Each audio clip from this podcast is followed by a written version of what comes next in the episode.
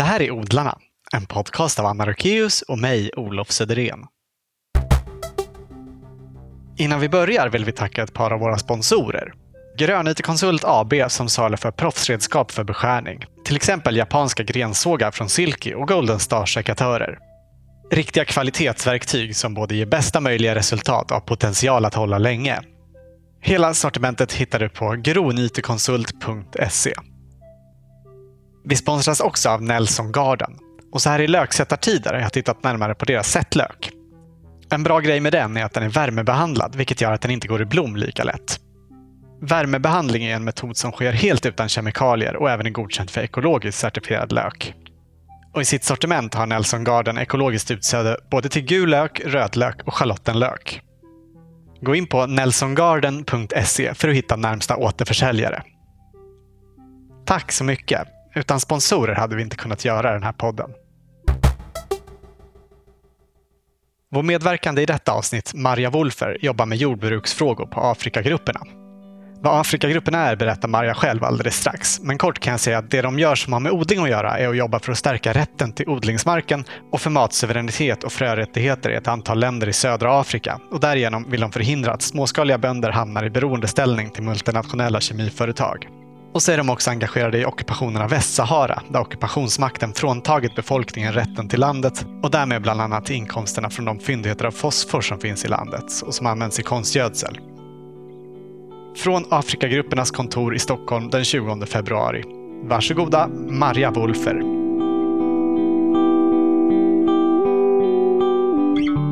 Vill du börja med att berätta kort om Afrikagrupperna? Mm. Eh, Afrikagrupperna är en solidaritetsorganisation vi har ungefär 2400 medlemmar i Sverige, vi är medlemsstyrda. Och runt 10 lokala grupper som engagerar sig kring olika frågor som vi driver. Fokus, eller visionen, vår vision är en rättvis värld eh, och fokus för Afrikagruppernas arbete är att jobba för att bekämpa fattigdomens orsaker. Att inte liksom, fokusera på symptomen utan på orsakerna. Och vi har inga egna projekt utan vi stödjer ett 30-tal organisationer, lokala organisationer i södra Afrika som jobbar med eh, de frågor som, som är våra fokusområden och som är bättre arbets och levnadsvillkor, sexuell och reproduktiv hälsa och rättigheter och sen frågor kring naturresurser och rätten till mat, mark och fröer. Och sen stöttar vi också kampen för ett fritt Västsahara, Afrikas sista koloni. Aha. Och vilka länder i södra Afrika är det som ni är verksamma i? Vi har eh, partnerorganisationer i Angola, Mosambik, Namibia, Sydafrika och Zimbabwe. Mm. Men sen är det några av dem som också jobbar mer regionalt i andra länder utöver dem. Så till exempel Rural Women's Assembly som är ett nätverk av småskaliga kvinnliga bönder och eh, kvinnor som jobbar inom jordbruket. Där finns det avdelningar i till exempel i Zambia och i Swaziland till exempel. Och sen eh, stöttar vi också La Via Campesina regionalt som är, nu är baserad i Tanzania. Och hur länge har du jobbat här? Jag har jobbat här sedan 2001. Ja. Och ett av de eh, områden som du jobbar med det är det här med matsuveränitet. Mm. Först och främst, vill du berätta kort vad, eh, vad det begreppet innebär? Ja, det är ett begrepp som, som lanserades av småbrukarrörelsen, den globala små, småbrukarrörelsen La Via Campesina och det handlar ju om att eh, se mat som en mänsklig rättighet och att de som brukar marken och producerar maten ska kunna välja vilken slags mat man producerar och att man också som land ska kunna eh, ställa krav på vilken slags mat som importeras till landet så att man till exempel ska kunna välja att inte ha GMO-fröer i, i, i landet. Vill du berätta mer om varför det är viktigt? För en del eh, skulle kanske hävda att sånt styrs av marknadens efterfrågan. Ja, det är väl eh, marknadens efterfrågan och det matsystem som vi har idag. Det bygger ju väldigt mycket på att man producerar storskaligt på ett väldigt ohållbart sätt. Där eh, jordbrukssystemet också är, är beroende av gifter. Och eh, det bygger på de här stora företagens makt i matsystemet. Och eh, där småskaliga bönder har väldigt liten möjlighet att, att utvecklas och utveckla ett hållbart jordbruk på lokal nivå och för en mm. lokal marknad, för man slås ut på lokala marknader av import från till exempel från EUs subventionerade jordbruk. Mm. Alltså konkurrensen helt enkelt. Ja. Småskaliga bönder, till exempel i Mosambik, som eh, eh, odlar, och, odlar på ett eh, ekologiskt hållbart sätt. Det är dyrare. De slås ut av import av till exempel sydafrikanska jordbruksvaror som är storskaligt producerade eh, och då försvinner deras möjlighet till försörjning på den lokala marknaden. Alltså de som, som tjänar på det är ju storskaliga eh, jordbrukare. Och om man tittar på till exempel, eh, alltså om man ser på hur vi ska försörja mat, världen med mat i framtiden. Till exempel så, så lyfter ju Oliver de Schutter, som är för detta FNs rapportör för rätten till mat. Han lyfter att den här utvecklingen som vi är inne på nu med eh, ett industriellt jordbruk, eh, storskaligt, baserat på eh, att man ska använda sig av konstgödsel och bekämpningsmedel. Det är inte hållbart i framtiden. Dels för att det innebär att man hela tiden ska skippa mat över hela jorden, Eh, så att man baserar inte på lokala förhållanden. Och dels för att man utarmar markerna och jorden och man förgiftar vatten. Och dessutom då så Dels det att, man, att eh, den slags jordbruk det bidrar till klimatförändringarna. Man släpper ut mycket mer koldioxid.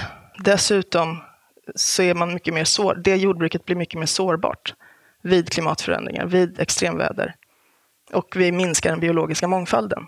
Därför att det bygger på några få, att det är några få fröer, att man har monokulturer och eh, det istället, det som man ser som det, det möjliga alternativet som man borde utveckla och som även då flera FN-rapporter lyfter, är att man borde satsa på och utveckla det småskaliga agroekologiska jordbruket.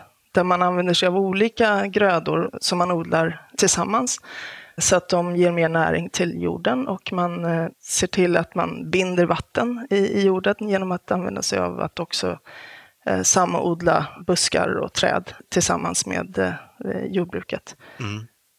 Och det här är ju sånt som man har gjort sedan långt tillbaka.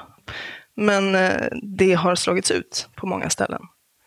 Och det är väl där, ja, fortsätter vi på den vägen som vi är nu så, har vi, så gör vi det väldigt svårt för oss själva att kunna ja, få bra mat eh, och eh, mat som är anpassat till lokala förhållanden. Mm. Men kan man säga att man då här i Sverige och Europa gått ännu längre i, i fel riktning? För, för här ser ju det mesta av jordbruket verkligen inte ut så som då forskningen visar är Nej, precis. hållbara. Här, Sverige är väl ett, eller Europa är ett exempel på där man har gått den andra vägen och genom politiska medel också stöttar det storskaliga. Mm. Så att det är många småskaliga bönder som slås ut här varje år.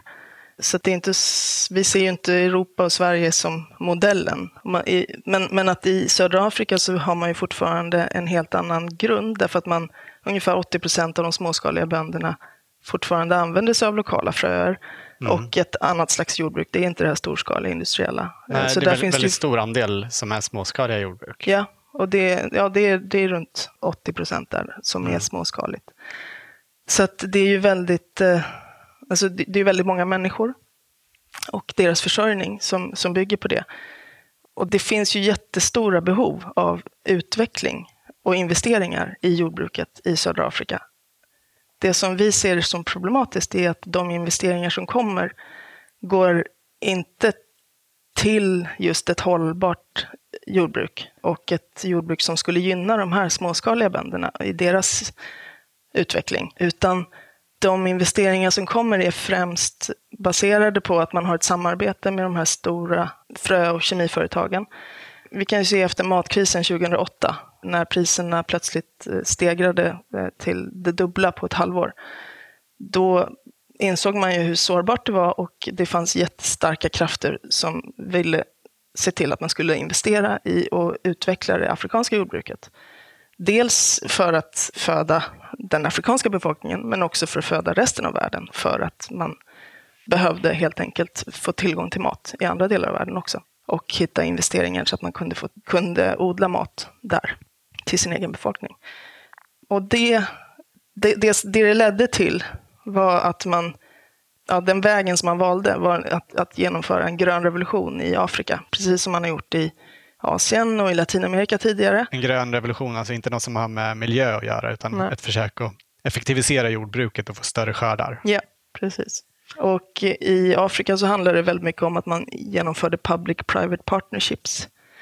Det Vad innebär det? Det är ett, alltså att man, genomför, man använder sig av eh, pengar från ja, till exempel Bill and Melinda Gates Foundation är en stor givare.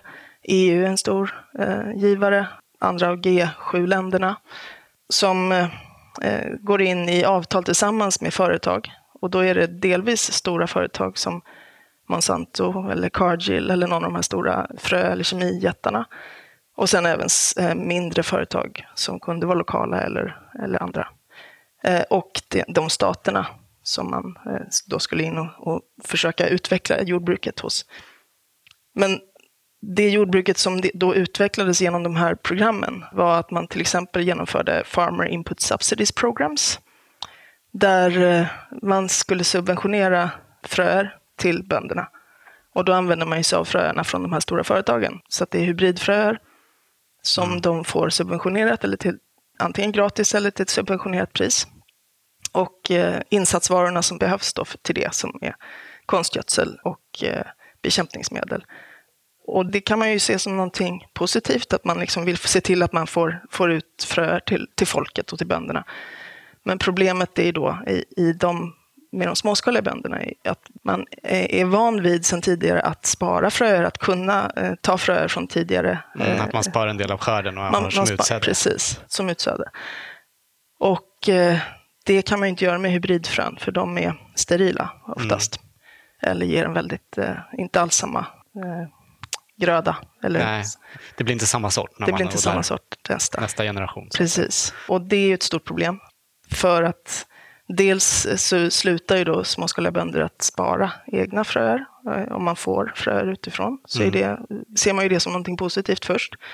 Men sen när man inser att man inte kan spara dem, då blir man beroende av att faktiskt köpa fröer. Och då hamnar man i en beroendeställning till de här företagen. Så har man redan kanske sålt eller ätit upp skörden som man haft kvar sedan tidigare. ja, att... eller så har den slagit lite fel och så har man ja. inte Eh, för det är inte någon garanti att det blir bra skörd bara för att det är hybridfröer. Utan det är, Nej, men jag tänkte de, de gamla sorterna som man har haft innan, ja, kanske det. man inte ens har kvar i, på Nej. gården då? Nej, oftast har, så har det ju varit så. Eller det är ju, det är ju någonting som våra partnerorganisationer jobbar med ganska mycket nu.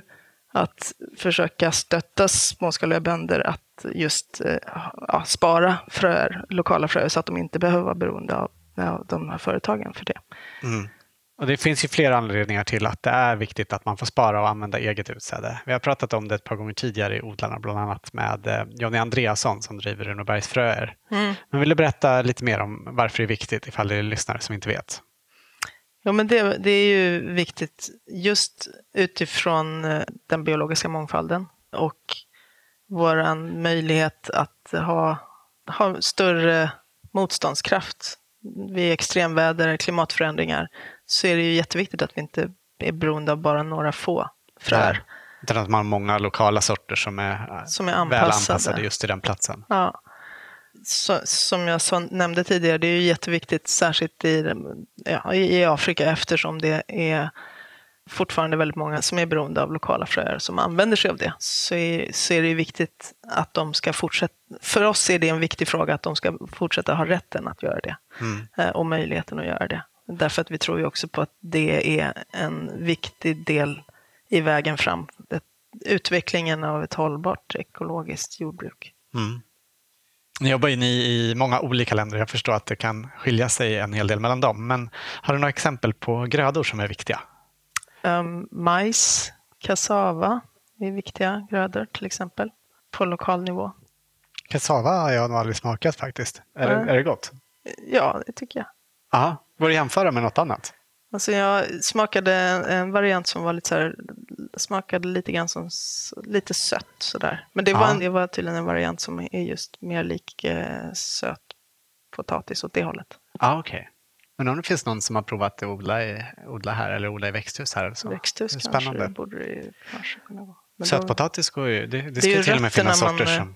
man äter. Ja, så de är, stora de är stora, alltså det är stora som som pinnar som går upp och det är det som man sen eh, stick, bryter av en bit och så stoppar man ner det i jorden. Och så. så det ser inte ut som ett frö. Nej, Nej utan man tar någon sorts sticklingar som man Ja, odlar och vidare på. sen- ah, ja. Mm.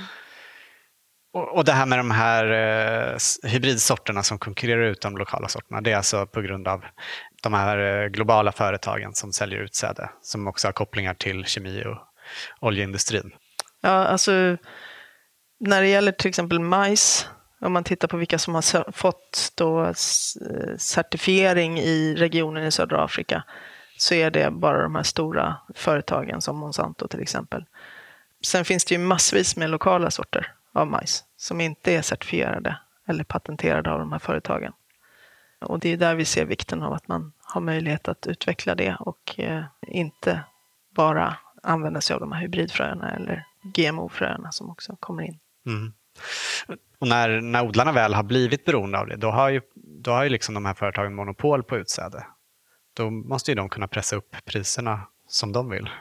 Ja, det blir ju en, det är ju en konsekvens som kan komma i längden. Ja, i, I Indien, som ju inte vi jobbar med, men där har man ju sett den problematiken. Att just att bönderna, där har man ju haft liknande, att man har haft en sån här grön revolution där man byggt ut jordbruket på det viset så att eh, bönderna får köpa hybrid eller GMO-fröer och då också måste använda sig av de här insatsvarorna för att det ska bli bra skördar. Ja, Och när det slår fel, när man inte lyckas få bra, få en bra skörd, så blir de ju i, skuldsatta och i beroendeställning till de här företagen. Eh, och det har ju till och med lett till en, en våg av självmord av eh, just småskaliga bönder i, i Indien. Mm. eh, För att man hamnar i ett sånt hopplöst läge. Det är inte något som vi har sett i våra samarbetsländer än så länge. eh, Och det är inte en utveckling som man vill gå mot heller. nej, verkligen inte. Men det här med att ge fröer eh, som eh, jordbrukarna då blir beroende av att fortsätta köpa eller ge rabatt på fröer som de sen blir beroende av att köpa. Är det liksom en, en uttänkt strategi tror du? Jag tror definitivt att det finns en tanke bakom från de företag som, som går in i det här. Därför att den afrikanska marknaden är stor. Och eh, det kan vi också se att genom de här eh, avtalen som man har, Public Private Partnerships, ramavtalen med, eh, med länderna, där har man också satt in tydliga mål om att förändra lagarna så att det ska bli förbjudet att sälja andra fröer än sådana som är certifierade. Och det, ja, det är ju ett tydligt intresse från företagen då. Mm. Och också att man ska förändra lagarna så att det blir lättare för utländska investerare att eh, komma in och investera i mark. Vilket båda de förändringarna bygger på att investerarna får bättre rättigheter. Det är deras rättigheter som, som, som värnas om. Men de småskaliga böndernas eh, rättigheter undermineras. Mm. Det där med att påverka lagarna kring frö, fröhandel, det har man ju också gjort i Sverige och i EU. Alltså, I EU finns det ju väldigt strikta regler kring Mm. vilka fröer man får sälja. Och det är ju de, de, de slags lagarna som man eh, nu då eh, vill få till i de afrikanska länderna också, som Mm. bygger på UPOV 91, den här konventionen. Som sagt, det gynnar ju de fröföretagens eller utsädesföretagens rätt att se till att det är deras fröer som får säljas, men det underminerar ju småskaliga bönders möjlighet att både spara, dela, sälja fröer. Mm. Men jag tänker att man kan ju verkligen se efter förra sommaren Mm. att det är en helt annan, eh, ett helt annat intresse för att, att det faktiskt eh, in, kanske inte funkar med att bara köra monokultur och storskaligt. Det var ju Mm. några av de- här bönderna här i Sverige förra sommaren som, som hade använt sig av de här lite gamla sorterna som hade djupa rötter och som faktiskt klarade sommaren ganska bra. Medan många hade ju väldigt stora problem. Mm. Och det visar ju på sårbarheten med att bara ha sam, liksom, de här stora fälten. Och, Ja. Men hur jobbar ni med, de här, med det här med matsuveräniteten? vi stöttar då eh, ett antal organisationer, bland annat eh, vår partnerorganisation UNAC i Mosambik. De eh, har ungefär 100, 100 000 medlemmar av småskaliga bönder i Mosambik. Där de både organiserar bönderna och eh, utbildar i eh, just hållbara agroekologiska metoder. Och också stöttar dem med eh, kunskap om hur man kan just spara fröer och se till att utöka den kunskapen om hur, vilka, vilka man ska spara och på vilket sätt och sådär. Sen jobbar vi här hemma i Sverige så samarbetar vi med flera andra organisationer för att lyfta den här frågan. Dels jobbar vi själva med att ha liksom seminarier och liknande, men också så har vi de senaste åren haft ett samarbete med eh, Latinamerikagrupperna, Jordens vänner, FIAN med flera och även med småbrukarna och Nordbruk som är svenska, svenska delen av La Via Campesina. Och där har vi haft eh, gemensamma seminarier och en vecka när vi har lyft den här frågan. Då vi haft gäster från hela, alla delar av världen och även då från Europa och Sverige för att, för att visa på likheterna och att det är globala strukturer som det hänger, att det hänger ihop. Mm. Och det har blivit väldigt spännande möten just med småskaliga bönder från olika delar av världen och eh, då svenska småskaliga bönder också. Har du något exempel på sånt? Ja, vi har haft, I tre år nu så har vi, har vi haft en, en vecka då där, där, vi har haft, det har varit mellan sex och nio personer här från olika delar av världen. Och så har de fått berätta, vid olika seminarier och möten, så har de fått berätta om hur det ser ut eh, i deras kontext. Då har det handlat dels, vi har haft lite olika fokusområden kring problematiken kring investeringar i mark eh, och landgrabbing men också då kring rätten till fröer för småskaliga bönder och deras, eh, ja, hur de jobbar med för att organisera och påverka på lokal nivå. Jobbar ni något med att påverka politiker här eh, för att, eh, vad ska man säga, för att gå i en positiv riktning när det gäller de här frågorna? Ja, det gör vi. Vi, vi har väl främst nu eh, lyft, det senaste halvåret så har vi haft en kampanj kring, som vi kallar för Fröaktionen där människor har fått möjlighet att skriva på. För, och där är kraven att man då ska ställa om så att vi inte håller på och stöttar den här slags investeringar och även när att biståndspengar från EUs sida går till de här public-private partnerships som vi ser har en negativ inverkan på småskaliga bönders rätt. Mm. Och där har vi fått eh, över 7000 underskrifter nu eh, i december och eh, kommer att ha en överlämning till biståndsministern. Han hade nyligen tillträtt så vi har inte fått till ett möte ännu. Men vi har även haft samtal med andra politiker i jordbruksutskottet och utrikesutskottet och, och så för att just lyfta vilken slags politik som man driver och vad vi ser som en positiv väg framåt som vi anser att Sverige borde. Att man borde se till att det som vi investerar i med våra skattepengar bör gå till hållbart jordbruk och inte till det som gynnar de här stora frö och kemiföretagens intressen. Ja, det känns ju himla dumt om bistånd gör skada istället för nytta. Men känns det som ni får gehör för, för de här frågorna hos, hos politikerna? Ja, jag, delvis känns det som att vi, vi har, när vi har haft de här diskussionerna, vi har haft seminarier i Almedalen till exempel med olika politiska partier och så, och när man tar upp diskussionen och, och, och lyfter komplexiteten i det hela, så att, ja, men däremot så kan jag uppleva att det man är tveksam till eller ser att det är svårt för, för Sverige att påverka, det är det här när det är på EU-nivå eller när det är FN-nivå. Och eh, det är där vi tycker att det borde man ju stå upp för om vi, om vi ser att eh, vi, vi vill se till att vara en föregångare när det gäller Agenda 2030 och de globala målen och så, så är, så är det väldigt viktigt att Sverige tar Eh, de stegen och, och verkligen pushar på där man mm. kan. Ja, men precis. För även om det är svårt att påverka alltså EU eller FN, större, det, som, det som är större än Sverige, så måste det ändå göra någon skillnad att man talar om att man tycker det är viktigt att små, småskaliga producenter värdesätts till exempel. Ja, och eh, då som vi har lyft i den här kampanjen, just kvinnliga småskaliga bönder som oftast är mer utsatta dessutom för att man har inte har samma rätt till marken som man odlar på eller till avkastningen av det man har odlat så är deras rättigheter extremt viktiga att Sverige pushar för. Mm. Visst är det en ganska stor andel också av eh, odlarna i de eh, länder som ni eh, jobbar med som är kvinnor? Ja, det är majoriteten som är det. De kvinnliga bönderna producerar ungefär 90 procent av maten på den afrikanska kontinenten. Aha. Så de är en väldigt eh, viktig del av jordbruket. Och man kan också se att eh, när, när det kommer in sådana här eh, investeringar som eh, just bygger på att man ska få tillgång till tekniska lösningar och så, så går det oftast till männen. För då blir, finns det ett större intresse att komma ut på marknaden och så vidare. Då förbises kvinnor i stor grad. Mm. På er hemsida så skriver ni att kunskap och teknologi måste harmoniseras med en lokal kontext och stärka de småskaliga producenternas ägandeskap. Mm. Eh, varför är den här lokala kontexten viktig i det sammanhanget?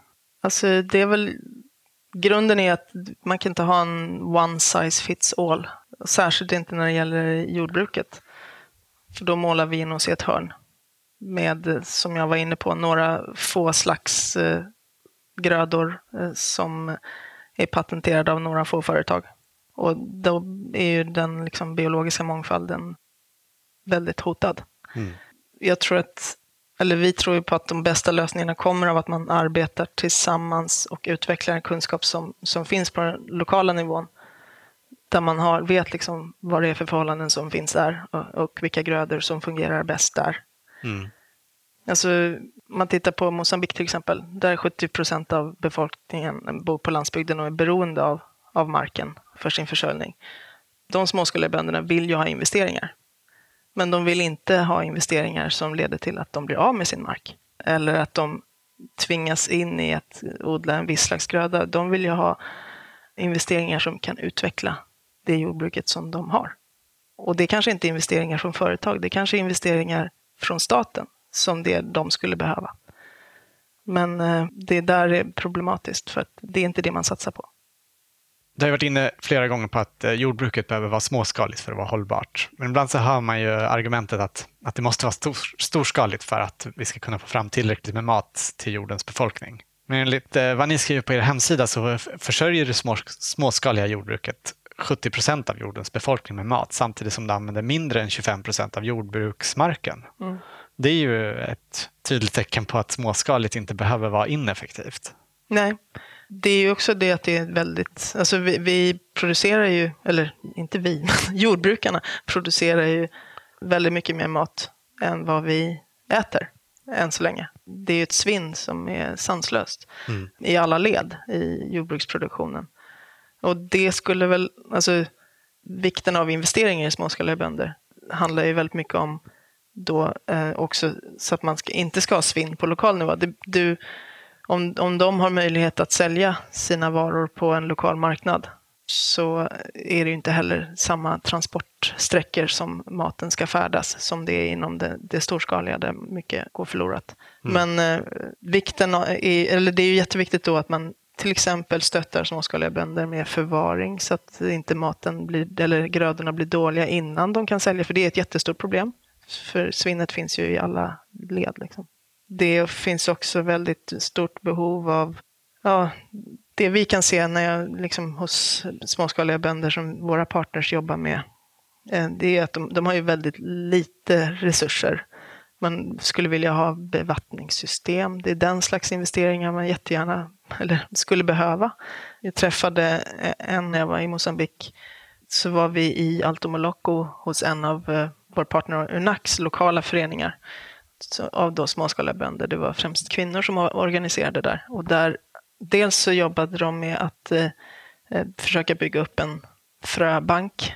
Än så länge så hade de inte lyckats mer än att man kunde spara från en säsong till nästa. Så att de skördar fröer från eh, förra säsongen, har sparat det i en, i, i, i en lokal och sen så delar de ut det till sina medlemmar till nästa säsong då, så att de kunde så. Och jobbade också med att eh, utbilda de lokala bönderna i hur man skulle göra det. Och, då, och så var vi bland annat då hos en, en av byarna där, en kvinna, Flora Antonia Suarez hette hon, eh, som eh, själv då hade blivit utbildad av Unaki hur man skulle odla på ett bra sätt, ett hållbart sätt och med vilken slags, vilket avstånd man behövde ha mellan de olika grödorna så att det skulle bli en bra skörd och dessutom då hur de skulle göra för att kunna spara eller multiplicera kassava, mm. eh, fröer. Så då hade, där, i den byn så hade de då en hektar för bara eh, multiplicering. Så har hon, hon då sen kunnat ge vidare till en annan by som också startat upp och så, så har man då en, en hektar där som man håller på och försöka utöka så att de lokala fröerna blir fler och att de multipliceras Mm. Och där lyfte ju hon att för deras del så skulle de ju vilja ha mycket större område där de kunde just ha fröodling.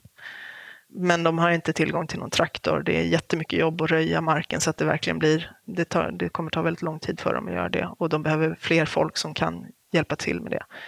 Och då kom det ju fram att i Altomoloco så finns det en, har, har staten en maskinpark med just traktorer som ska vara till för det jordbruket, det lokala jordbruket.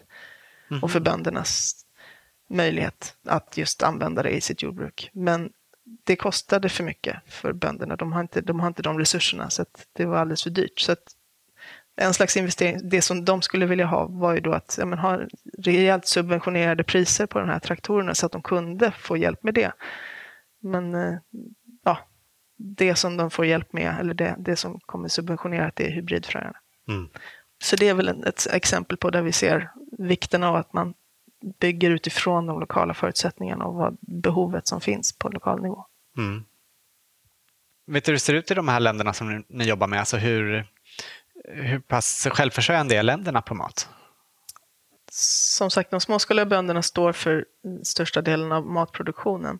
Och då för, men de, de försörjer ju främst lokalt, till, dels till sina egna familjer och delvis till den lokala marknaden. Eh, annars är man ju ofta, alltså sydafrikanska varor är väldigt eh, dominerande på eh, marknaden annars i, i Mosambik till exempel. Okej, ja. Så man importerar mycket mellan, ex, exporterar och importerar mellan länderna? Man exporterar i- inte så mycket från. Mosambik då, utan man importerar mest. Ja, jag förstår. Och alltså till stadsbefolkningarna så är, är det ju import av, av mat främst. Och det handlar ju väldigt mycket också på att man inte har utvecklat det afrikanska jordbruket om man generaliserar. Efter eh, de strukturanpassningsprogrammen som genomfördes då när skuldkrisen var, då avreglerade man mycket av det stöd som hade funnits till småskaliga bönder som var just att till exempel staten eh, såg till att det fanns en, förvaringsmöjlighet för grödorna, eh, att man var garanterad att sälja sin, sin skörd.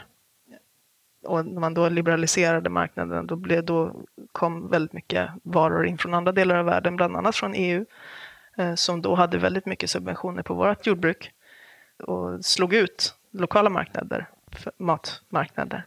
Och det ledde ju till att de småskaliga bönderna blev eh, mer av bara för självförsörjning medan då eh, de lokala marknaderna, marknaderna i städerna, eh, då kommer ju mat utifrån och man är väldigt beroende av, av mat utifrån. Så det var därför matkrisen 2008 slog så hårt. Eftersom när priset på den globala marknaden gick upp så snabbt så hade folk inte råd med mat det blev eh, vad heter det? food riots, matkravaller i Maputo, i Mosambiks huvudstad, för att folk inte hade råd att köpa mat. Mm. Så då fick staten gå in och reglera priserna. Ser jordbruket väldigt annorlunda ut i Sydafrika eftersom du, du sa att de Mm. exporterar till eh, Mosambik till exempel? Ja, i Sydafrika så är är jordbruket eh, storskaligt till största del. Där finns det väldigt få småskaliga bönder. Det handlar ju väldigt mycket om historien där under apartheid och hur man delade upp marken. Så att eh, där är det storskaligt jordbruk i största del. Mm. Vad var det som låg bakom den här matkrisen 2008? Det var flera olika faktorer som verkade slå samman. Eh, Dels var det någon torka som gjorde att mm, till exempel i Ryssland så slutade man exportera vete och då blev det eh, ökade priser på marknaderna. Sen var det spekulation som också skedde på börs. Så att eh, det var flera olika delar som liksom spelade in. Mm. Det känns ju hemskt att spekulation på i mat, eh, alltså basmatvaror kan eh, förändra prisbilden. Så. Mm. Ja, verkligen. Det är verkligen så här, göra det bättre för de rika och dåligt för de fattiga. Mm. Det visar ju på vikten av att man faktiskt har en matförsörjning lokalt som inte är så sårbar. Mm. Men där i Maputo, det var liksom inte brist på mat så att det var tomt, att det inte gick att få tag i, utan det var att, att det var för dyrt. Det var priserna som hade stegrat så snabbt. Mm. Ursäkta avbrottet, men odlarna har ytterligare en sponsor som jag vill tacka och det är Hasselfors Garden. När man odlar försvinner ju en del näring från jorden med skörden. Därför är det viktigt att också fylla på jorden med näring för att den ska fortsätta fungera bra för odling år efter år. Det finns många olika sätt att göra det på. Vi brukar ju tipsa om att gödsla med sånt som ändå finns i ens närhet. Till exempel med kompost, växtdelar och gräsklipp. Och gärna genom täckodling. Samtidigt vet vi att alla inte har lika stora möjligheter till det. Till exempel om man bor i lägenhet i stan. För jag fattar om det inte är alla som har lust att göra som jag, gå ut och kratta gräsklipp i parken eller förvandla källarförrådet till en kompostfabrik. Och det är inte alla av oss som bor granne med en hästgård heller. Så till er som köper gödsel vill jag rekommendera ett riktigt bra gödselalternativ som jag hittat i Hasselfors sortiment. Det heter Gödsel för köksträdgården och är gjort av återvunna råvaror från livsmedelsindustrin och helt veganskt. Det funkar både som grundgödsling nu på våren och för eventuell stödgödsling och är lätt att dosera. Perfekt att använda oavsett om man odlar i krukor, lådor som pallkragar, i växthus eller på friland. Och väldigt viktigt, det är kravgodkänt, vilket bland annat innebär att det är helt fritt från konstgödsel. För är det något som jag verkligen avråder från i gödselväg så är det just konstgödsel. Stort tack Hasselfors för att ni är med och gör den här podcasten möjlig. Eh, du har ju varit inne på det här med övertagande av land, det som mm. kallas landgrabbing. Vill du berätta vad det är och, och om den problematiken? Det är när företag eh, kommer in och tar över mark som används av lokalbefolkningen och där eh, man inte har haft en ordentlig konsultation med de som har använt sig av marken eller som har rätt till marken sedan tidigare. Mm, eller är det typ mark som ägs av staten som Ja, många de förlorar sitt, så... sitt arrendeavtal då, eller hur funkar det? Alltså, återigen i, i Mosambik så, så är det ett, där är det staten som äger all mark och det är i många afrikanska länder som, som det fungerar så. Ja. Men i just Mosambik så har du deras marklag har tagits fram bland annat i samarbete med vår partnerorganisation UNAC som då organiserar småskaliga bönder. Och där de småskaliga bönder har star egentligen starka rättigheter till att om de har använt sig av marken under tio år. Det behöver inte vara att de har odlat på den, de kan använda sig av fruktträd för att samla eh, mat och, och liknande. Så om, man, om, man, om de har använt sig av marken i mer än tio år så ska de ha rätt till marken och ska då bli konsulterade om det kommer ett företag och man från statens sida har tänkt att de skulle kunna ta över eh, eller få lisa marken. Mm. Men om ett företag kommer dit kan de eh, ansöka om att lisa marken. Och då, då får de rätt till det i 49 år gånger två kan de ansöka om. Så det är alltså eh, Nästan 100 år. Ja, nästan 100 år. Och det här, men då är det liksom staten som, ja, som ser till att de får det? Ja, det är det. Eh, och, men företaget ska ju ha konsulterat lokalbefolkningen. Och det är väl där någonstans det oftast går fel. Eh, dels för att eh, för, företaget oftast eh, pratar med någon på högre nivå politiskt. Och sen kommer man ner till lokalbefolkningen och till den lokala ledaren. Och då uppfattar, så som vi har sett det när vi har pratat med våra partnerorganisationer och även följt med dem ut, så har då på lokal nivå har man uppfattat det som att det redan är beslutat. Men att de där är där och informerar om vad som ska hända och ger då många löften om vilka positiva effekter den här investeringen ska få. Så konsultationerna när det handlar om landgrabbing, då har ju inte konsultationerna skett på ett bra sätt och kompensationen som människorna har rätt till har inte skett på, alltså de har inte fått den kompensation de har rätt till.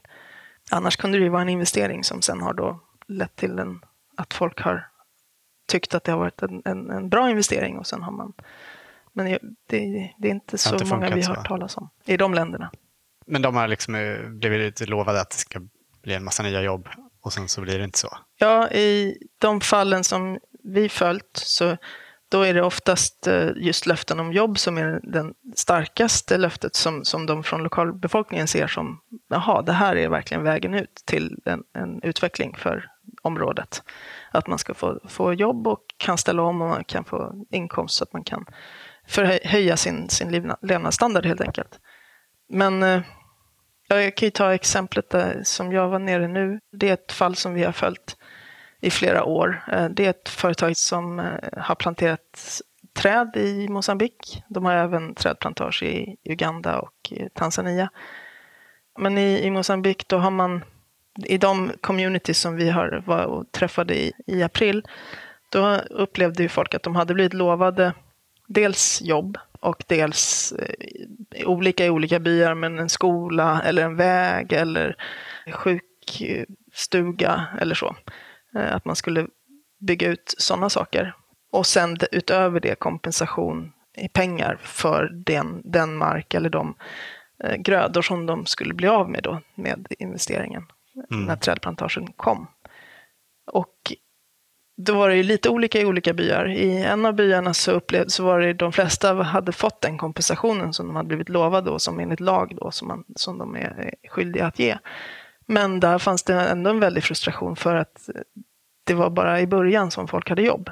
Det var 150 personer eller så som var anställda från första, i första säsongen då när man höll på att röja marken och plantera träden. Men sen nu var det bara tre personer som hade jobb. Mm. Och det, det, är träd som då ska växa i 15 år så att man får ut och, och, göra lite underhållsjobb under tiden, men det är inte några mängder med folk som behövs under de åren, utan det kommer väl vara när man ska hugga ner träden och sen plantera om. Mm. Men just det som folk upplevde som löften, det var ju någonting helt annat än, än det de sen fick då, för att man ställer ju inte om sitt liv för att ha en, en säsongsarbete och sen så har Nej. de då inte tillgång till marken längre för att odla på. Och bieffekterna som, de också, som också var en väldig frustration kring var ju också att eftersom det är eukalyptus som de har valt att eh, plantera där så är de väldigt eh, vatten, de är väldigt törstiga träd. Mm. Så att eh, vatten, det som de, deras brunn hade ju sinat. Så att nu var de tvungna att gå i en timme varje dag för att eh, hämta vatten.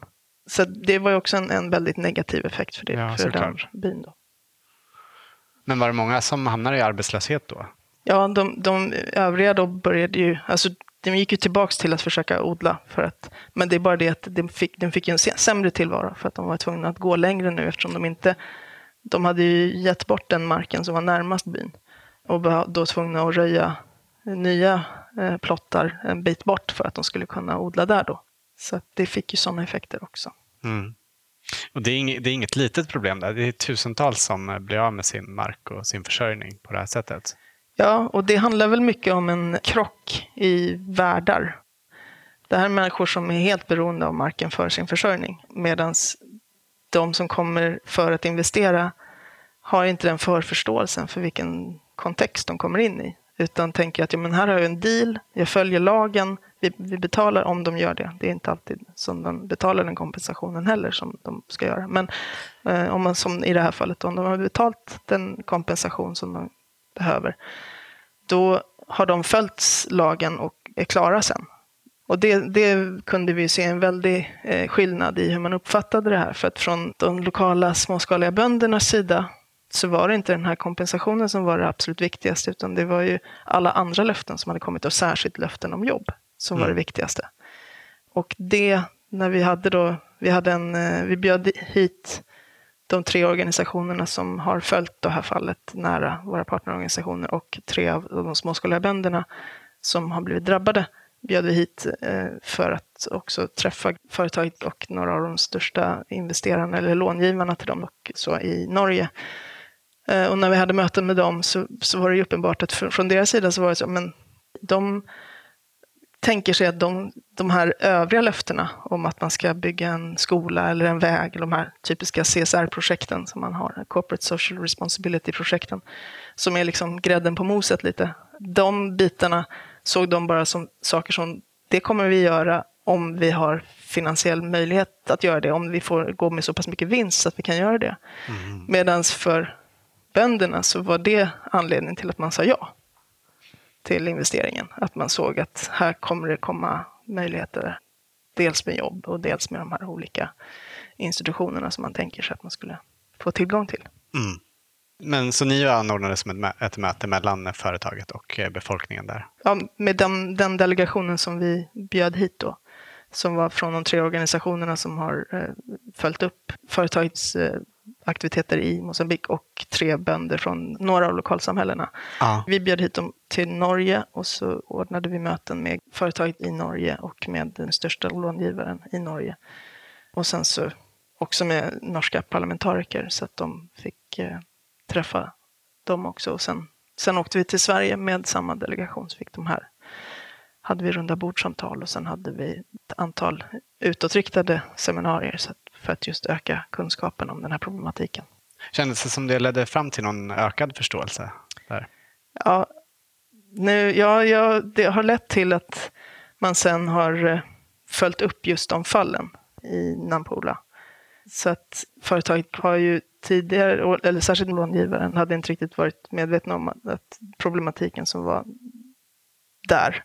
Nej. Eh, Så att sen efter det så har man följt upp det. Och man, sen, men det har fortfarande inte, jag kan inte säga att det har blivit någon större förbättring, men de har erkänt att det finns problem på ett Mm. annat sätt än vad de gjorde förut. Och sen har de haft möten också med våra partners i Mosambik eh, och följt upp det vidare där nere.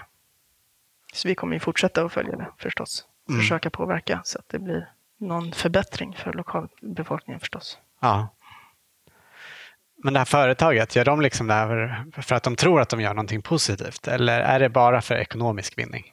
Alltså, när vi hade möte med före detta vdn, det var för något år sedan nu, han lyfte ju att varje träd man kan plantera är någonting positivt för världen. Alltså, så det var ju den ingången han hade.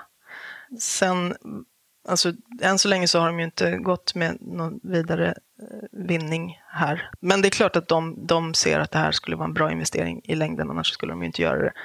Nej. Eh, De vill ju få en vinst till sina aktieägare. Men de hade då förut en eh, FSC-certifiering, alltså någon slags så miljöcertifiering. Det, hållbart skogsbruk. Precis, eh, för plantagen i Nampula. Och den drogs in för drygt ett år sedan, eller två år sedan är det nu. Okej. På, just på grund av att man har uppmärksammat de problemen som är på lokal nivå med konsultationerna med lokalbefolkningen, att man inte har behandlat det, lokalbefolkningen på ett bra sätt. Mm. Har ert eller andra liknande organisationers eh, jobb gjort att, eh, att odlare har kunnat få tillbaka sin mark? En av våra partnerorganisationer, Justicia Ambiental, de har jobbat med ett fall i Chai Chai i Mosambik där det har varit ett, eh, om jag minns rätt, socker, investering i sockerplantage, eller sockerodling, Ja. där de eh, har lyckats få tillbaks marken till de lokala bönderna. Mm. Det är hoppfullt ändå. Mm. Hade det gått till på något liknande sätt där, att eh, de hade blivit lovande saker och inte, sen inte fått det de Ja, det de var ju har- liknande att problematik hade kring att man. Mm. att man eh, upp, alltså konsultationerna inte har skett på ett bra sätt, att människor inte har fått det man har blivit lovade. Mm. Hoppfullt att ändå just de fick tillbaka sin mark. Ja. Men du nämnde att de här företagen ofta har pratat med politikerna på högre nivå först. Eh, Finns det liksom mycket problem med korruption och så? Eller hur, alltså jag, jag Mm. kan alldeles för lite om hur, hur det ser ut med demokratin och så i till exempel Mosambik. Jo, men kor- korruption är ett problem definitivt. Och även på lokal nivå. Att det, det kanske är just den lokala ledaren som, som får eh, fördelar och då säger ja till investeringen medan de som eh, blir av med mark inte får samma kompensationer. Mm. En annan sak som ni jobbar med som på sätt och vis också har med mark att göra eh, och vem som har rätt till olika resurser, det är ockupationen av Västsahara. Och där finns ju också en nära koppling till odlandet, inte bara i Afrika utan även här eftersom en stor del av den fosfor som används i konstgödsel kommer därifrån. Vill du berätta om den problematiken? Ja, Västsahara är ju Afrikas sista koloni och Marocko ockuperade sedan 1975. Mm. som då skrevs över från Spanien till Marocko och Mauritanien. Ma- Mauritanien avsade sig. De insåg att de inte hade rätt till Västsaharas eh, område. Och det är ju ingen stat som erkänner Marockos rätt till eh, Västsaharas territorium. Utan Västsahara är ju, enligt FN då, ska ju vara ett eh, eget territorium. Mm. Men eh, det är väldigt stor del av befolkningen som bor i flyktingläger Och eh, som det är nu så, så har EU slutit handelsavtal och fiskeavtal med Marocko senast nu i januari och februari i år. Där man också då, in, när det gäller fisket så är det väl nästan 90 procent av fisket som man då klassar som Marockos del i det här avtalet, som kommer från västsahariska vatten. Mm. Och då har ju inte västsaharierna, de, alltså de människorna som borde ha, få någonting ut av det här, de, de har inte haft någon slags möjlighet att påverka och de kommer inte få någon vinning av det, för det går ju till Marocko. Och när det gäller handelsavtalet så är det också kring jordbruksprodukter och gruvsektorn. Så att man har, eh, som du säger, fosfor som ju går till konstgödsel. Just fosfor från den här gruvan Bokra, de exporterar ungefär 200, för ungefär 200 miljoner dollar om året, eller senaste åren i alla fall. Och eh, det är den största inkomsten till Marockos stat från Västsahara. Mm. Och, det... och också en av få väldigt stora fosforfyndigheter som finns i världen. Ja, precis. De är en av de största. Så en väldigt stor del av världens konventionella jordbruk är beroende av fosfor därifrån. Ja. Men eh, handelsavtalet gäller ju även då grönsaker och frukt och så från Västsahara.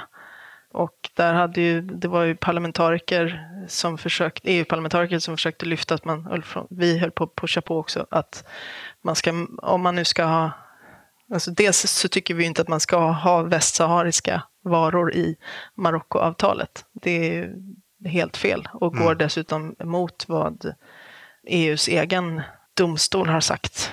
Och eh, dessutom så vägrade Marocko att märka vilka varor som kommer från eh, Västsahara.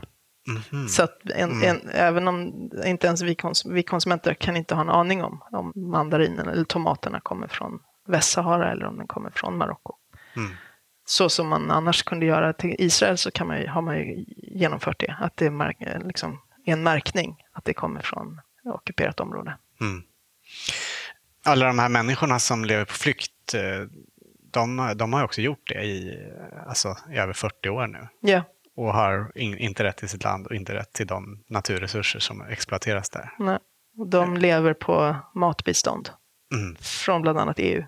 Mm. Medan deras egen, egen fisk fiskas ut av bland annat EUs eh, flotta och går till Marockos vinst, vilket mm. är helt eh, galet. Mm.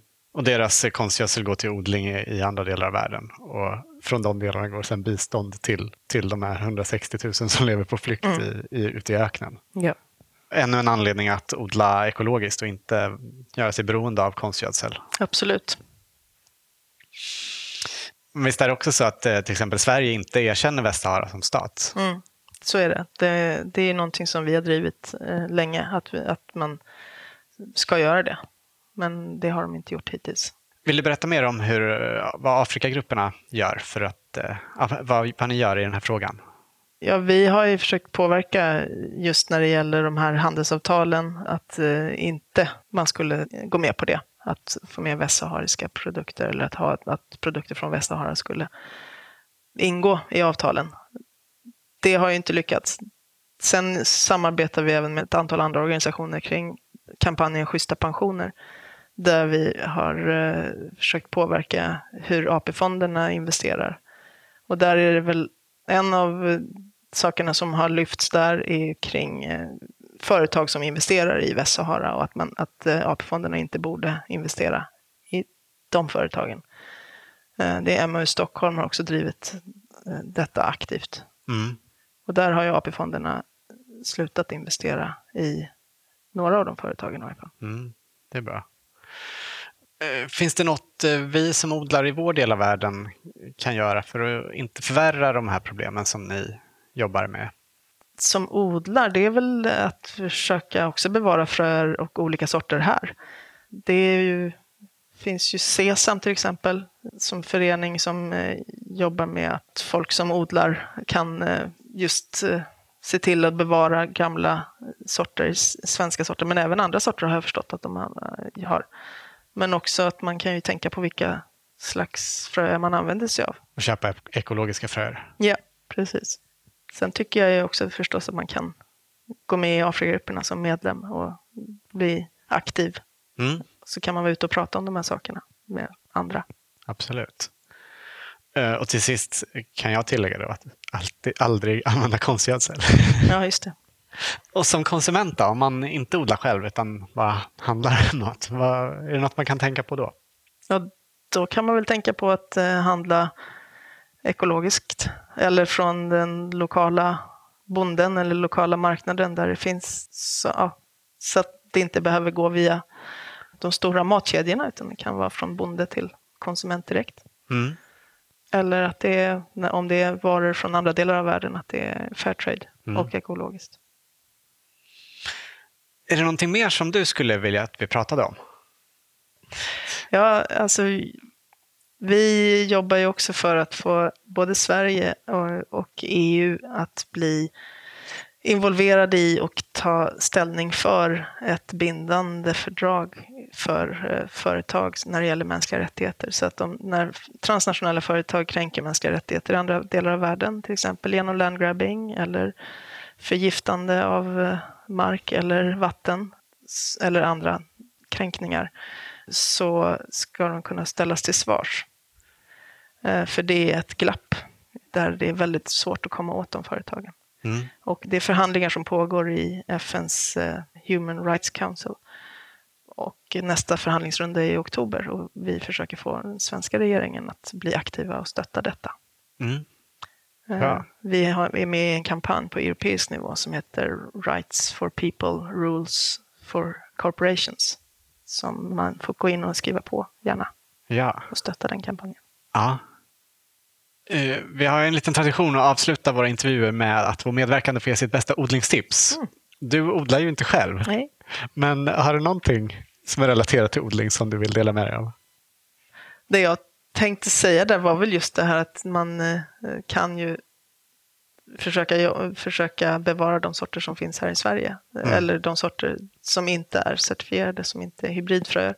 Att eh, är man odlare så bo- borde ju det vara jättebra. Att ta eget utsäde och eh, se till att bevara de gamla sorterna och se till att eh, öka den biologiska mångfalden. Ja, det är roligt. Det finns ju ganska stort intresse för det nu faktiskt. Jag ser i så här odlargrupper på Facebook och så som ja, det är jättemånga som efterlyser gamla sorter och så som är svåra att få tag i för att det är så få som har fröer till dem. Mm. verkar som alla vill ha tag i lokförare Bergfeldts jätteärt till exempel. Ja, okej. det är roligt. ja, roliga namn också. Ja. Men förhoppningsvis finns det fler nästa år om alla, alla de Mm. som får tag i det för att odla själva. Precis. Du, tack så jättemycket för att eh, vi fick komma hit, för att du tog dig tid för oss. Tack för att jag fick vara med.